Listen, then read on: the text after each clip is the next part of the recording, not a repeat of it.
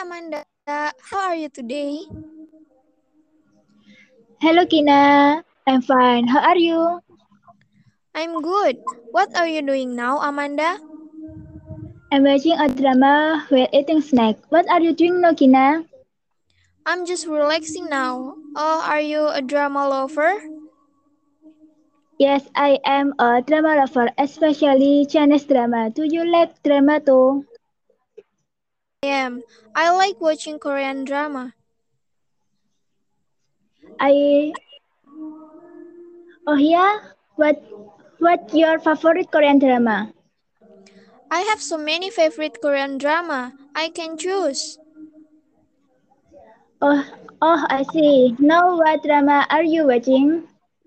I'm watching Jirisan and Happiness. It's really fun to watch, even though you have to wait because the drama isn't over yet.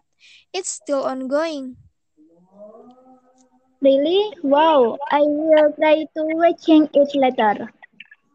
Yes, you should watch it when you have time. Okay, thank you for the recommendation drama.